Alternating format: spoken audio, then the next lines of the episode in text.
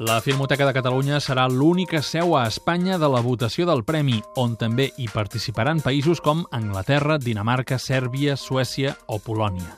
Esteve Riembau, director de la Filmoteca, està convençut que serà una gran festa del cinema europeu. Forma part de la nostra voluntat de difondre eh, cinema també contemporani i forma part sobretot de la nostra feina de formar nous públics engrescant amb adolescents eh, del país amb un projecte a nivell europeu.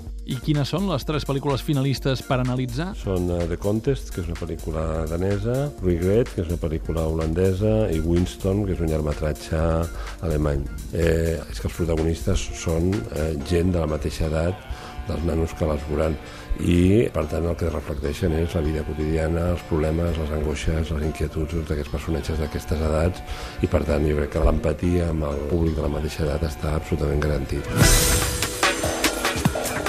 L'amistat, l'assetjament escolar entre adolescents i la influència dels cavalls sobre la imaginació són els temes que plantegen les tres pel·lícules nominades. Una bona oportunitat per tots els joves que participen d'aquesta experiència per veure cinema en una sala i no a través d'internet, la televisió o alguna tablet. I és que per Riambau un dels objectius és preservar i reivindicar l'espectacle cinematogràfic tal com es va concebre al segle XX.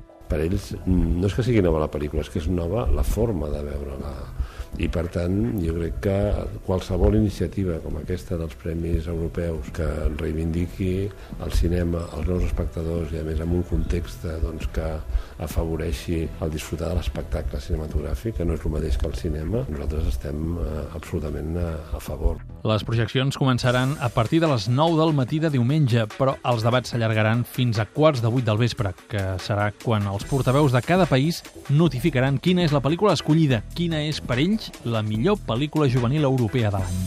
Els directors dels tres títols finalistes, per cert, esperen la notícia des d'Erfurt, a Alemanya.